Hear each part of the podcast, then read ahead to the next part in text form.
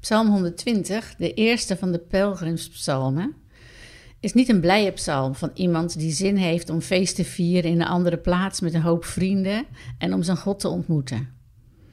Het begint in de eerste zin met: Ik roep tot de Heer in mijn nood. En het eindigt met oorlog. De psalmdichter is slachtoffer van leugen en bedrog en woont tussen mensen die zich als barbaren gedragen. Dat is niet echt een pretje. Maar deze psalm is een wake-up call om in beweging te komen, om de wereld en de leugen van de wereld de rug toe te keren en ons te richten op de waarheid. De afwijzing van het kwaad is ook een aanvaarding. Het is een nee tegen het kwaad en een ja tegen God.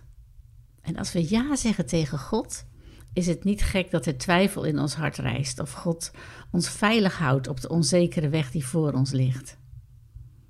En de tweede pelgrimspsalm gaat, gaat daarover. Dat is psalm 121. Dat is heel bekend. Die gaat erover dat God je bewaart. Hè? Ik sla mijn ogen op naar de bergen. Waar komt mijn hulp vandaan? Hij zal je voet niet laten wankelen. Die psalm is dat.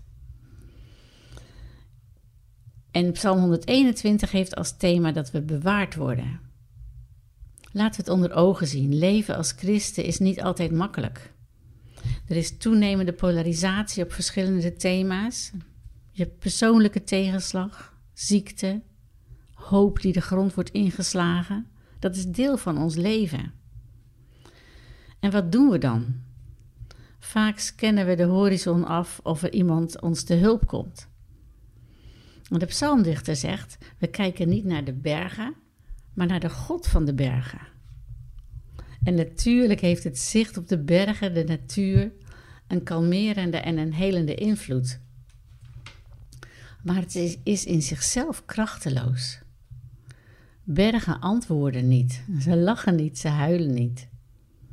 De hulp die we nodig hebben, wordt niet in de natuur gevonden, hoewel het een heerlijke bonus kan zijn.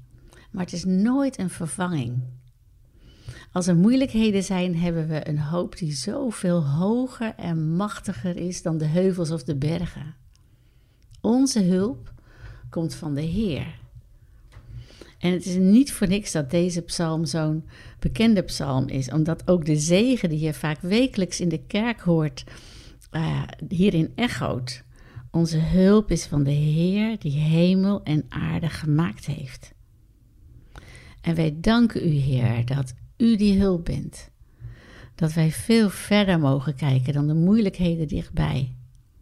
Dat u ons leert om omhoog te kijken en te vertrouwen op u. En we bidden, Heer, kom ons tegemoet. U bent onze hulp. Dank u wel dat u niet sluimert of slaapt.